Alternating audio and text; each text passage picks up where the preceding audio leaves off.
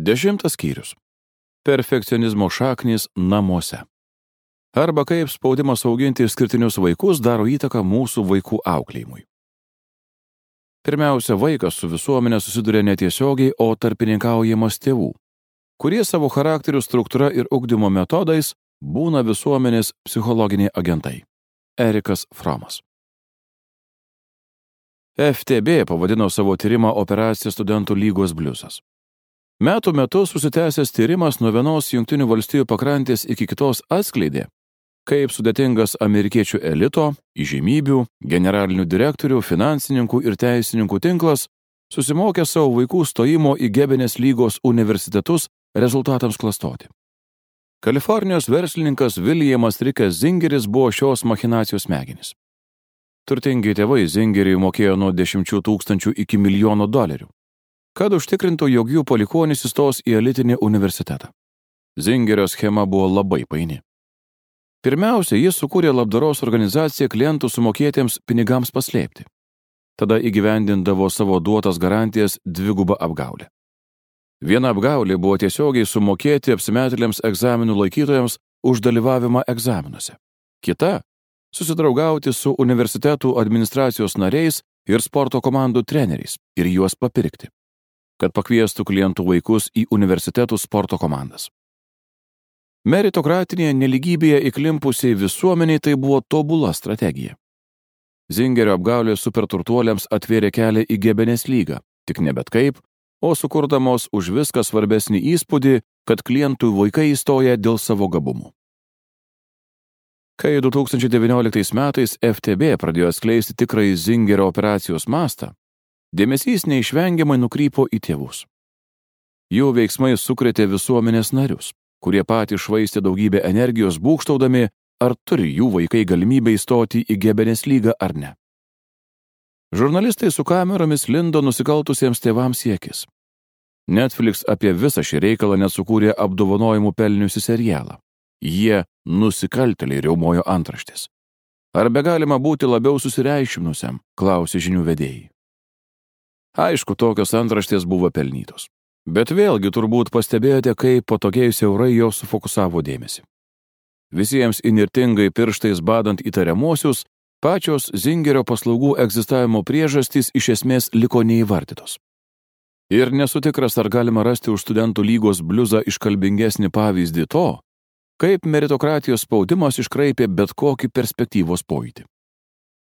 Skandalas išryškino daugybę lūžių visuomenėje, bet ryškiausias, kad į viešumą buvo išvilktas tėvų panikavimo tvanas iškreiptoje ekonomikoje, susitelkusioje tik į pinigus ir nuopelnus. Teigdama, kad tėvai nėra svarbus, inovatyvioji vaiko raidos teoretikė Judith Harris norėjo pasakyti ne tai, kad jie nesvarbus.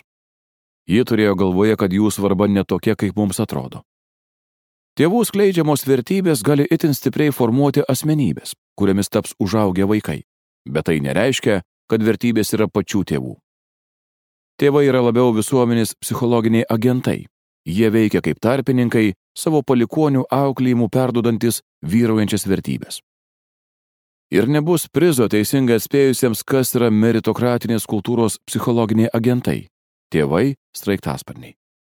Tai yra motinos ir tėvai, kurie perdėtai dalyvauja vaikų gyvenime, ypač švietimo srityje. Jie nukreipia ir iš naujo pakreipia, nerimastingai, kauliamai ir kategoriškai stumdo ir tampo, beveik ar iš vis nepalikdami vaikui galimybės sekti paskui savo paties susidomėjimą.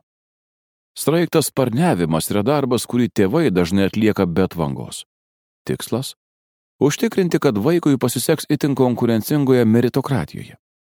Straiktas sparniavimas šioje kultūroje yra tėvų meilės vaikui ir rūpinimosi jo galimybėmis gyvenime įrodymas.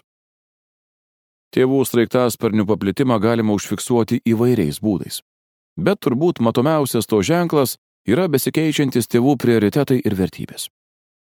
Pavyzdžiui, nuo 1995 iki 2011 metų darbštumo sureikšminimas kaip norima matyti savo vaikų savybė tarp amerikiečių tėvų padidėjo beveik 40 procentų.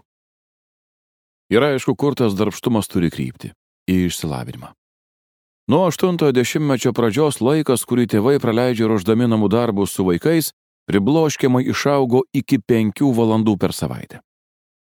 daugiau laiko mokymuisi neišvengiamai skiriama kitų veiklų sąskaita. Pavyzdžiui, amerikiečių vaikų žaidžiant su tėvais praleidžiamas laikas sutrumpėjo 25 procentais, palyginti su 9-ojo dešimtmečiu. Taip pat nuo 10-ojo dešimtmečio amerikiečiai tėvai daugiau kaip 9 valandas per savaitę perskirstė sutrumpindami žaidimus ir pailgindami nežaidimus. Pavyzdžiui, kartojamasi kontroliniams darbams ar namų darbų ruošimą. Kiekvienam bent kiek veikiančią anteną turinčiam vaikų transliuojama pamatinė žinutė kad vienos veiklos yra vertos tėvų laiko - mokymasis, o kitos ne - žaidimai. Nenostabu, kad toks vertybių pokytis suvešėjo permainingų laikotarpių, kai sparčiai kyla spaudimas mokytis. Neseniai COVID-19 pandemijos metu atlikta daugiau kaip 10 tūkstančių amerikiečių studentų apklausa parodė, kad jaunimas teigia patiriantis daug daugiau streso dėl mokymosi nei prieš pandemiją. Kaip streso šaltinius studentai įvardijo pažymius, krūvį, laiko planavimą, miego trūkumą ir būkštavimą dėl universiteto reikalų. Bet didžiausias streso šaltinis anot jaunuolių buvo tėvų lūkesčiai dėl pasiekimų. 57 procentai jaunuolių teigia, kad per pandemiją lūkesčiai nenuslūgo, o 34 procentai teigia, kad jie netgi padidėjo. Ekonomistai Džeris ir Valeri ramiai mano, kad toks perteklinis auklėjimas yra platesnių kilimėlio žiūrkių lenktynių dalis. Tėvai čaižo darbo etikos botagu, susitelkia į mokymus rezultatus ir daugiau kontroliuoja, nes tuo jie atliepia visuomenės spaudimą. Vis daugiau nerimautojų baukščiai žiūri per petį, kurdami panikos kultūrą. Studentų lygos bliuzo skandalas turbūt tapo šios konkrečios aido kameros krešendo išsirutuliojęs taip nekontroliuojamai, jog turtingi tėvai ryžosi nusikaltimui, kad savo ir taip privilegijuotiems vaikams suteiktų papildomų pranašumų. Tai nereiškia, kad šis spektras pasireiškia visur. Kitose šalise, pavyzdžiui, Švedijoje ir Norvegijoje, kur neligybės lygiai žemas, o socialinis mobilumas didelis, sunku įsivaizduoti, kad būtų didelė zingerio paslaugų paklausa. Mažiau kaip 15 procentų apklaustų tėvų tose šalise darbštumą minėjo kaip vertinama savybė. Šios motinos ir tėvai verčiau paliks vaikus ramybėje tiesti savarankiškų kelių. Iš ties, skirtingai nuo tėvų Junktinėse valstijose, Kanadoje ir Junktinėje karalystėje, švedai ir norvegai vaikams duoda laiko savo mintims, jausmams ir interesams plėtoti, vaizduoti, lavinti ir bet kokiu pasirinktų būdu save išreikšti.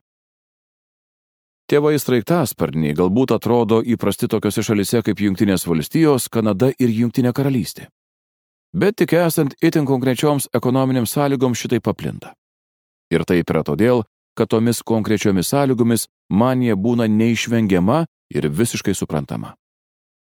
Ne vienas sveikai mąstantis britų ar amerikiečių tėvas nenorėtų, kad vaikas dabar auktų perdėtai savimi patenkintas. Tik ne tada, kai kyla spaudimas mokykloje, kai įstojimo į elitinius universitetus procentai smunka ir tikrai ne tada, kai žiojantis neligybės atotrukis reiškia, kad vis daugiau jaunuolių liks užnugaryje. Straiktas sparniuoti tokiamis aplinkybėmis nėra pasirinkimas, tai būtinybė. Mamos ir tėčiai baukščiai žvilgčioja vaikams per petį, kad šiems būtų visiškai aišku, jog pasisekimas mokykloje yra absoliuti būtinybė. Ne dėl to, kad taip nori, ir net ne dėl to, kad manytų, jog vaikui tai išeis į sveikatą, bet dėl to, jog privalo nuslapinti savo tikruosius instinktus, kad atvertų kelią toksiškai konkurencingoje meritokratijoje įgytiems instinktams. Tad kokie tada yra viso to straiktas parniavimo padariniai? Ir ar perfekcionizmas yra vienas iš jų? Vaikams reikia tėvų priraišumo ir jie to siekia. Bet tėvai straiktasparniai dėl poros priežasčių nenoromis apsunkina priraišumą. Pirma, tėvai straiktasparniai paprastai būna perdėtai susirūpinę nesėkmės padariniais. Ir antra, jie paprastai nustato aukštesnius ir brandesnius standartus, nei jų vaikas gali pasiekti, nesukeldamas savo nepatogumo. Toks auklėjimas vaikams subtiliai transliuoja žinę, kad suklupti negalima. Be to, tuo pat metu vaikai niekada nebus pakankamai verti visiško, besąlygiško tėvų pritarimo. Žinoma, ne visi tėvai tokie. Bet žinome, kad apibendrinus tėvų lūkesčiai šauna taip aukštai į viršų, kad jaunuoliai jo supranta kaip reikalavimą būti tobuliems. Iš kur tai žinome? Nes 2022 metais Psychological Bulletin pasirodžiusiame mokslinėme straipsnėje mudu su Andrew Hillu tai įrodome poroje tyrimų. Pirmame tyrime apibendrinome koreliacijas tarp perteklinių tėvų lūkesčių arba tokių lūkesčių, kurių vaikams neįmanoma įgyvendinti, ir socialiai priskirto perfekcionizmo, kad patikrintume, ar esama ryšio.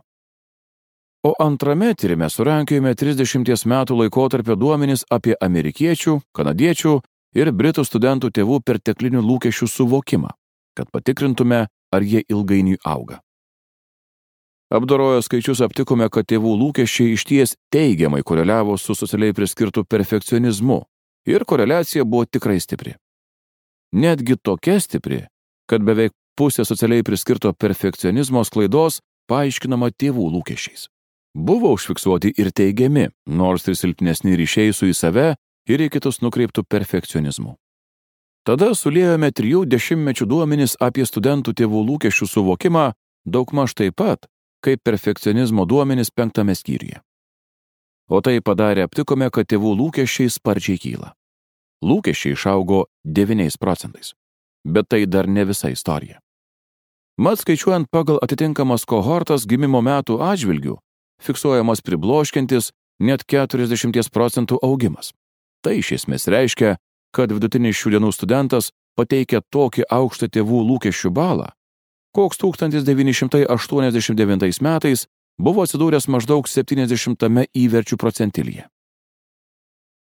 Taigi atrodo tikėtina, kad augantis tėvų lūkesčiai greičiausiai yra viena iš priežasčių, dėl kurių socialiai priskirtas perfekcionizmas tarp jaunimo auga. Ir norėčiau paplėtoti atsakymą, kodėl taip yra. Tėvai labiau nei reklama, socialiniai tinklai, mokykla ar spaudimas universitete yra itin artimi ir tiesiogiai paveikus perfekcionizmo nešėjai. Vaikai praktiškai nuo pat lopšio ima suvokti tėvų lūkesčius ir ar šie lūkesčiai yra perfekcionistiniai.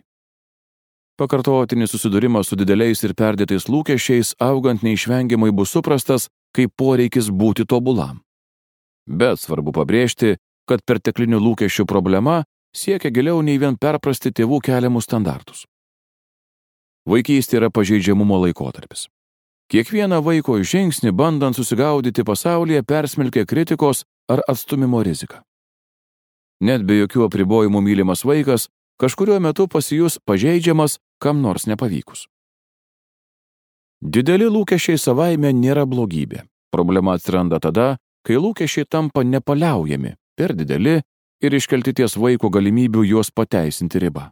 Tėvų standartai ir atitinkamai tėvų pritarimas taip auklėjimam vaikui visada būna kažkur už pasiekiamos ribos. Pavykus pasiekti ką nors išskirtinio, pavyzdžiui, gavus vien dešimtukus, tėvai bus patenkinti.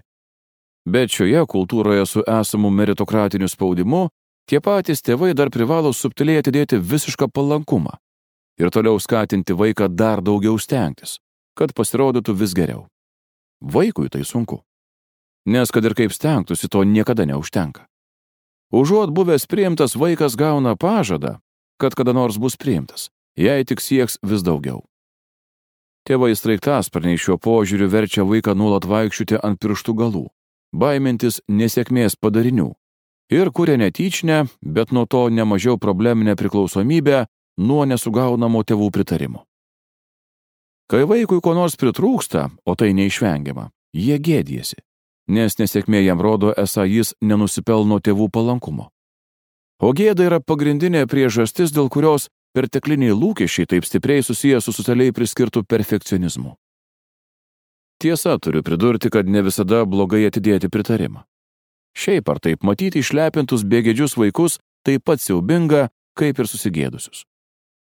Bet smulkiai dozuotas pritarimo atidėjimas kaip sveikos tėvystės dalis virsta perdosavimu kai tėvai savo pritarimui gauti iškelia tokius aukštus standartus, kad vaikams niekaip nepavyksta jų pasiekti. Rasti pusiausvyrą sunku. Nieko bloga retkarčiais patirti smulkes individualias nusivylimų dozes. Ir beveik neabejotinai jos pernelyg nekaltos, kad keltų bėdų. Bet nuosekliai išreikštas suminis daugybės vieno ant kito besiklojančių tokių nusivylimų poveikis yra perfekcionizmas. Mes, tėvai, viduje taip pat esame vaikai ir privalome to nepamiršti. Kaip ir visi, mes nervingai gyvename stebimi pinigų ir nuopelnų apsistos visuomenės. Kai kalbame apie straiktą sparniavimą, paprasčiausiai turime galvoje tėvus, kurie daro, ką gali, kad išlaviruotų blogoje padėtyje vieninteliu būdu, kokį gali sugalvoti. Iš tiesų, sukurdami sąlygas savo vaikų perfekcionizmui, tėvai tai daro netyčia, dėl nuo jų nepriklausančių priežasčių ir ne dėl savo kalties. Bet nuo to tai, kas vyksta, netampa mažiau tikra. Negana to, greičiausiai viskas tuo nesibaigs. Perfekcionizmas visai tiesioginė prasme paveldimo šeimoje. Pirmiausia per genus, antra per auklėjimo strategijas. Tai sudaro rimtą problemą, nes tapdami vis perfekcionistiškesni, jaunuoliai vėliau augins perfekcionistiškesnius vaikus, kurie savo ruoštų augins dar perfekcionistiškesnius vaikus ir taip toliau ir taip toliau. Turime pripažinti tai, kas čia vyksta. Ir turime daryti, ką galime, kad nutrauktume šį iš kartos į kartą besisukantį užburtą ratą. Ar galime išsivaduoti iš užburto rato? Šioje kultūroje šią akimirką sunku atsakyti į šį klausimą bet tyrimai suteikia tam tikrų užuominų. Viena jų yra suteikti nuolatinį šilumos ir apsaugos šaltinį. Pasaulis yra širkštus, o vaikai paveikus. Juos bombarduoja juos nukreiptos reklamos, populiariosios kultūros, socialinių tinklų ir bendramžių spaudimas. Kai jie pasiduoda šiam spaudimui, o tai kartais neišvengiama, užsiminkite jiems apie tai. Jei reikia, įgyvendinkite kokius nors ribojimus, bet išklausykite juos. Visada. Kalbėkite atvirai, pripažinkite jų emocijas ir atsakykite empatiškai ir supratingai. Tyrimai rodo, kad toks šiltas auklėjimo būdas neigiamai koreliuoja su paauglių perfekcionizmu ir perfekcionistinėmis tendencijomis. Šilta tėvystė taip pat reiškia vengti atidėti palankumą, tad mylėkite savo vaikus besąlygiškai. Tiesiog toliau juos mylėkite visą laiką. Vaikai teigiantis, kad tėvų meilė ir palankumas nėra susiti su pasiekimais ar gerų elgesių, yra linkę į žemą į save orientuoto ir socialiai priskirto perfekcionizmo lygį. Jie taip pat nurodo mažesnį polinkį nerimauti dėl to, kaip pasirodo kitiems, ir yra mažiau linkę slėpti savo trūkumus nuo aplinkinių. Taigi jums leistina tiesiog imti ir pasakyti savo vaikams, kad jie neprivalo prieš nieką teisintis. Jie verti jūsų meilės ir palankumo, Jie pasaulyje svarbus vien dėl to, kad jame egzistuoja. Šitai reiškia dar ir mokyti juos apie klistamumą, kultūra šito neišmokys. Pasinaudokite trukdžiais ir nesėkmėmis kaip galimybėmis pasimokyti, ugdančiomis vaikus, kad gyvenimas turi padarinių, kad visiems kartais nepasiseka, kad nėra ko bijoti nesėkmės. Pamėginkite nesaugoti jų nuo nepatogių aplinkybių, kurios jiems mes iššūkį, bet jas reaguokite žmoniškai. Leiskite jiems pabūti su savo nepatogumu bent kurį laiką. Priminkite jiems, kad niekas nėra neperšaunamas. Kartais be jokios priežasties nutinka ne taip, kaip planavome, ir tai nieko blogo. Visada būna dar viena galimybė. Palaikykite juos, kai jie dorojasi su savo nusivylimu, o ne jo vengia. Padėkite jiems, bet nesistengkite visko už juos sutvarkyti. Mėgaukite savo vaikų keistenybėmis ir talentais. Skatinkite juos sekti savo, o ne minios aistrą. Venkite tenkinti visus jų materialinius įgeidžius, kurių gali būti gausybė. Verčiau savo energiją skirkite išjudinančioms patirtims, tokioms kaip skaityti, groti muzikos instrumentais ar sportuoti. Leiskite jiems išmėginti daug naujų dalykų, kad atrastų savo gyvenimo kelią, kuriamą jų pasirinktų aistrų. Į tai taip pat įeina leidimas vaikams prisidėti priimant svarbius jų gyvenimo sprendimus. Pavyzdžiui, į kokią mokyklą eiti ir kokius dalykus studijuoti. Leiskite tai. Nieko tokio turėti lūkesčių net ir ambicingų, bet imkitės juos formuoti kartu su vaiku. O svarbiausia, pasirūpinkite, kad jie būtų realistiški. Jei vaikai pasiekia tikslus, nepersistengkite griausmingai jiems plodami. Tiesiog juos apkabinkite, pasveikinkite ir pagirkite jų pastangas, ne pažymius. O jei ne visai pavyks, vis tiek juos apkabinkite, pagirkite jų pastangas ir parodykite tokius dalykus, kaip pažymiai ir vidurkiai tinkamame kontekste. nuolat primindami, kad kontrolinis darbas ar užduotis mokykloje yra tik vienas iš šimtų įmanomų būdų matuoti mokymasi. Tai nėra dėmė jų prote, nuo to jų galimybės gyvenime nesugriūva, nuo to nepriklauso, kiek mokytojas ar mokytoja juos vertina, ar kiek tėvai jais didžiuojasi. Ir taip, spaudimas būti tobuliems per didelis, tad darykite viską, ką tik galite, kad nesėkmės parodytumėte kontekste ir sukurtumėte tokią namų aplinką, kurioje joms ištikus vaikai jaustųsi pakankamai komfortiškai, kad atvertų savo jausmus. Ir galiausiai auklėkite pavyzdžių. Savo pačių nesėkmėmis parodykite vaikams, kad klysti yra žmogiška, o ne žeminama. Atvirai su jais kalbėkitės. Leiskite jiems atvirai kalbėti su jumis. Mokykite juos, kad neigiamos emocijos yra normalios. Visada būkite šalia ir juos palaikykite. Rūpinkitės planeta ir ekosistema, kurią jūsų vaikai paveldės. Gerai elkite su savo aplinka ir artimaisiais. Gerbkite mokytojus. Jei dėl kokios nors priežasties jiems tenka taikyti kokią nors griežtą priemonę, užstokite juos. Kas kart juos sutikę padėkokite už įsipareigojimą jūsų vaiko raidai. Jūsų vaikai jūs sudėvina. Parodykite jiems, kodėl svarbu aukti atsivėrus savo netobulo žmogiškumo džiaugsmui. Pasitikite savo sunkumus taip, kaip norėtumėte, kad saviškius pasitiktų vaikai - drąsiai, užsispyrusiai ir su atjauta. Darykite visą tai ir išmokysite savo vaiką, kad tobulybė nebūtina siekiant gyventi aktyvų ir teikianti pasitenkinimą gyvenimą. Praėjusią savaitę peržiūrėjau Netflix serialą Operacija studentų lygos bliuzas apie Riko Zingerio stojimo į universitetus machinacijas. Tai tikriausių Hollywoodo stiliumi išbaigtas, sudramatintas kinematografijos kūrinys, persunktas pavojaus ir įtampos. Niaurūs epizodai, kuriuose Zingeris sėdi savo blausiai apšviestose namuose, įsmeigęs akis į kompiuterio ekraną, prie ausies priglaudęs telefoną ir strateguoja, eina pramaišiui su scenomis, kuriuose jo pašnekovai turtingi klientai visada būna kokioje nors egzotiškoje vietoje. Stovi verandoje su vaizdu į žaliuojančio kraštovaizdžio plotus ir įdėmiai klausosi Zingerio aiškinimo apie paines jų vaiko apsimetimo perspektyvių vandensvidžio atradimų detalės. Vaidyba fantastiška. Ir vis dėlto kažkaip sunku nejausti, kad viskas labai jau tiesmuka. Režisierius žiūrovo akis prikausto prie to, kas įvyko, bet sužinome praktiškai vien faktus. Apgaulė buvo labai išmoninga. Zingeris ir jo turtingi klientai savo elgesiu nusipelnė pasmerkimo. Juos teisė, kai kurie sėdo į kalėjimą. Pabaiga. Nuteistos šeimos iš ties dalyvavo monstriškoje apgaulyje. Jos nusipelno savo likimo tuo, kad iš esmės pavogė vietas elitiniuose universitetuose iš netokių privilegijuotų jaunuolių. Bet operacija studentų lygos bliuzas nesugeba papasakoti netokios tiesmukos istorijos apie tai, kodėl iš vis prireikė Zingerio machinacijų. Kad tai papasakotų, filmo kuriejams būtų tekę atsitraukti ir užduoti kankinamus klausimus apie mūsų ekonomiką ir visuomenę, kurią tokia ekonomika sukūrė. Žinoma, šis negebėjimas užduoti kankinamų klausimų neapsiriboja tėvystės problemomis. Kaip matėme aštuntame skyriuje, tos pačios kliūtis galioja ir socialiniams tinklams.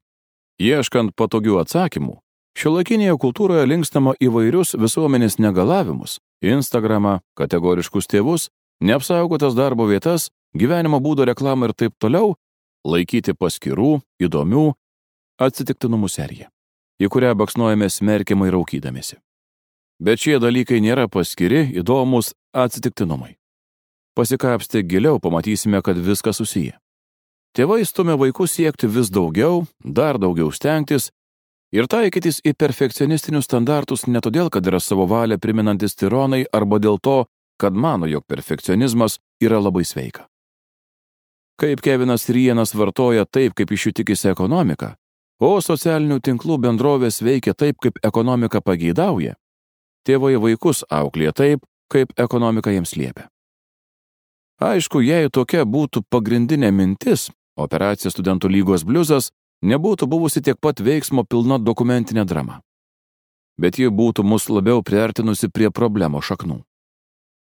Karen Horni buvo ko gero pirmoji nusitaikiusi į mūsų impulsą už tokias neurozes kaip perfekcionizmas kaltinti jų paveiktų žmonės. Ji norėjo, kad užuot kaltinę, panarstytume kultūrinės sąlygas, kuriomis tokios neurozės suklestėjo. Šiuo klausimu ji buvo teisi. Mes jos dar nepasivijome. Tėvų straiktasparnių elgesys nėra natūralus, mums užprogramuotas būdas auklėti vaikus. Tai būdingiausias tėvystės stilius ekonomikoje, kuria apsėdęs augimas ir užkerė pinigai bei nuopelnai. Kitaip tariant, tai kultūrinis reiškinys. Jis irgi prisideda prie šuoliais kylančio socialiai priskirto perfekcionizmo lygio, kaip ir reklama bei socialiniai tinklai. Mes dar nebaigėme. Nes yra dar viena paskutinė šio laikinės kultūros rytis, visų garsų užleidžianti mūsų tobulybės maniją. Su šia stritimi dauguma mūsų, jaunų ir senų, turtingų ir vargšų, susidurėme beveik kasdien - darbu. Tad pakalbėkime apie savo didelių apsukų šio laikinius darbus ir nepaliaujamą sukimosi kultūrą, kuris sparčiai apniko visą mūsų psichiką.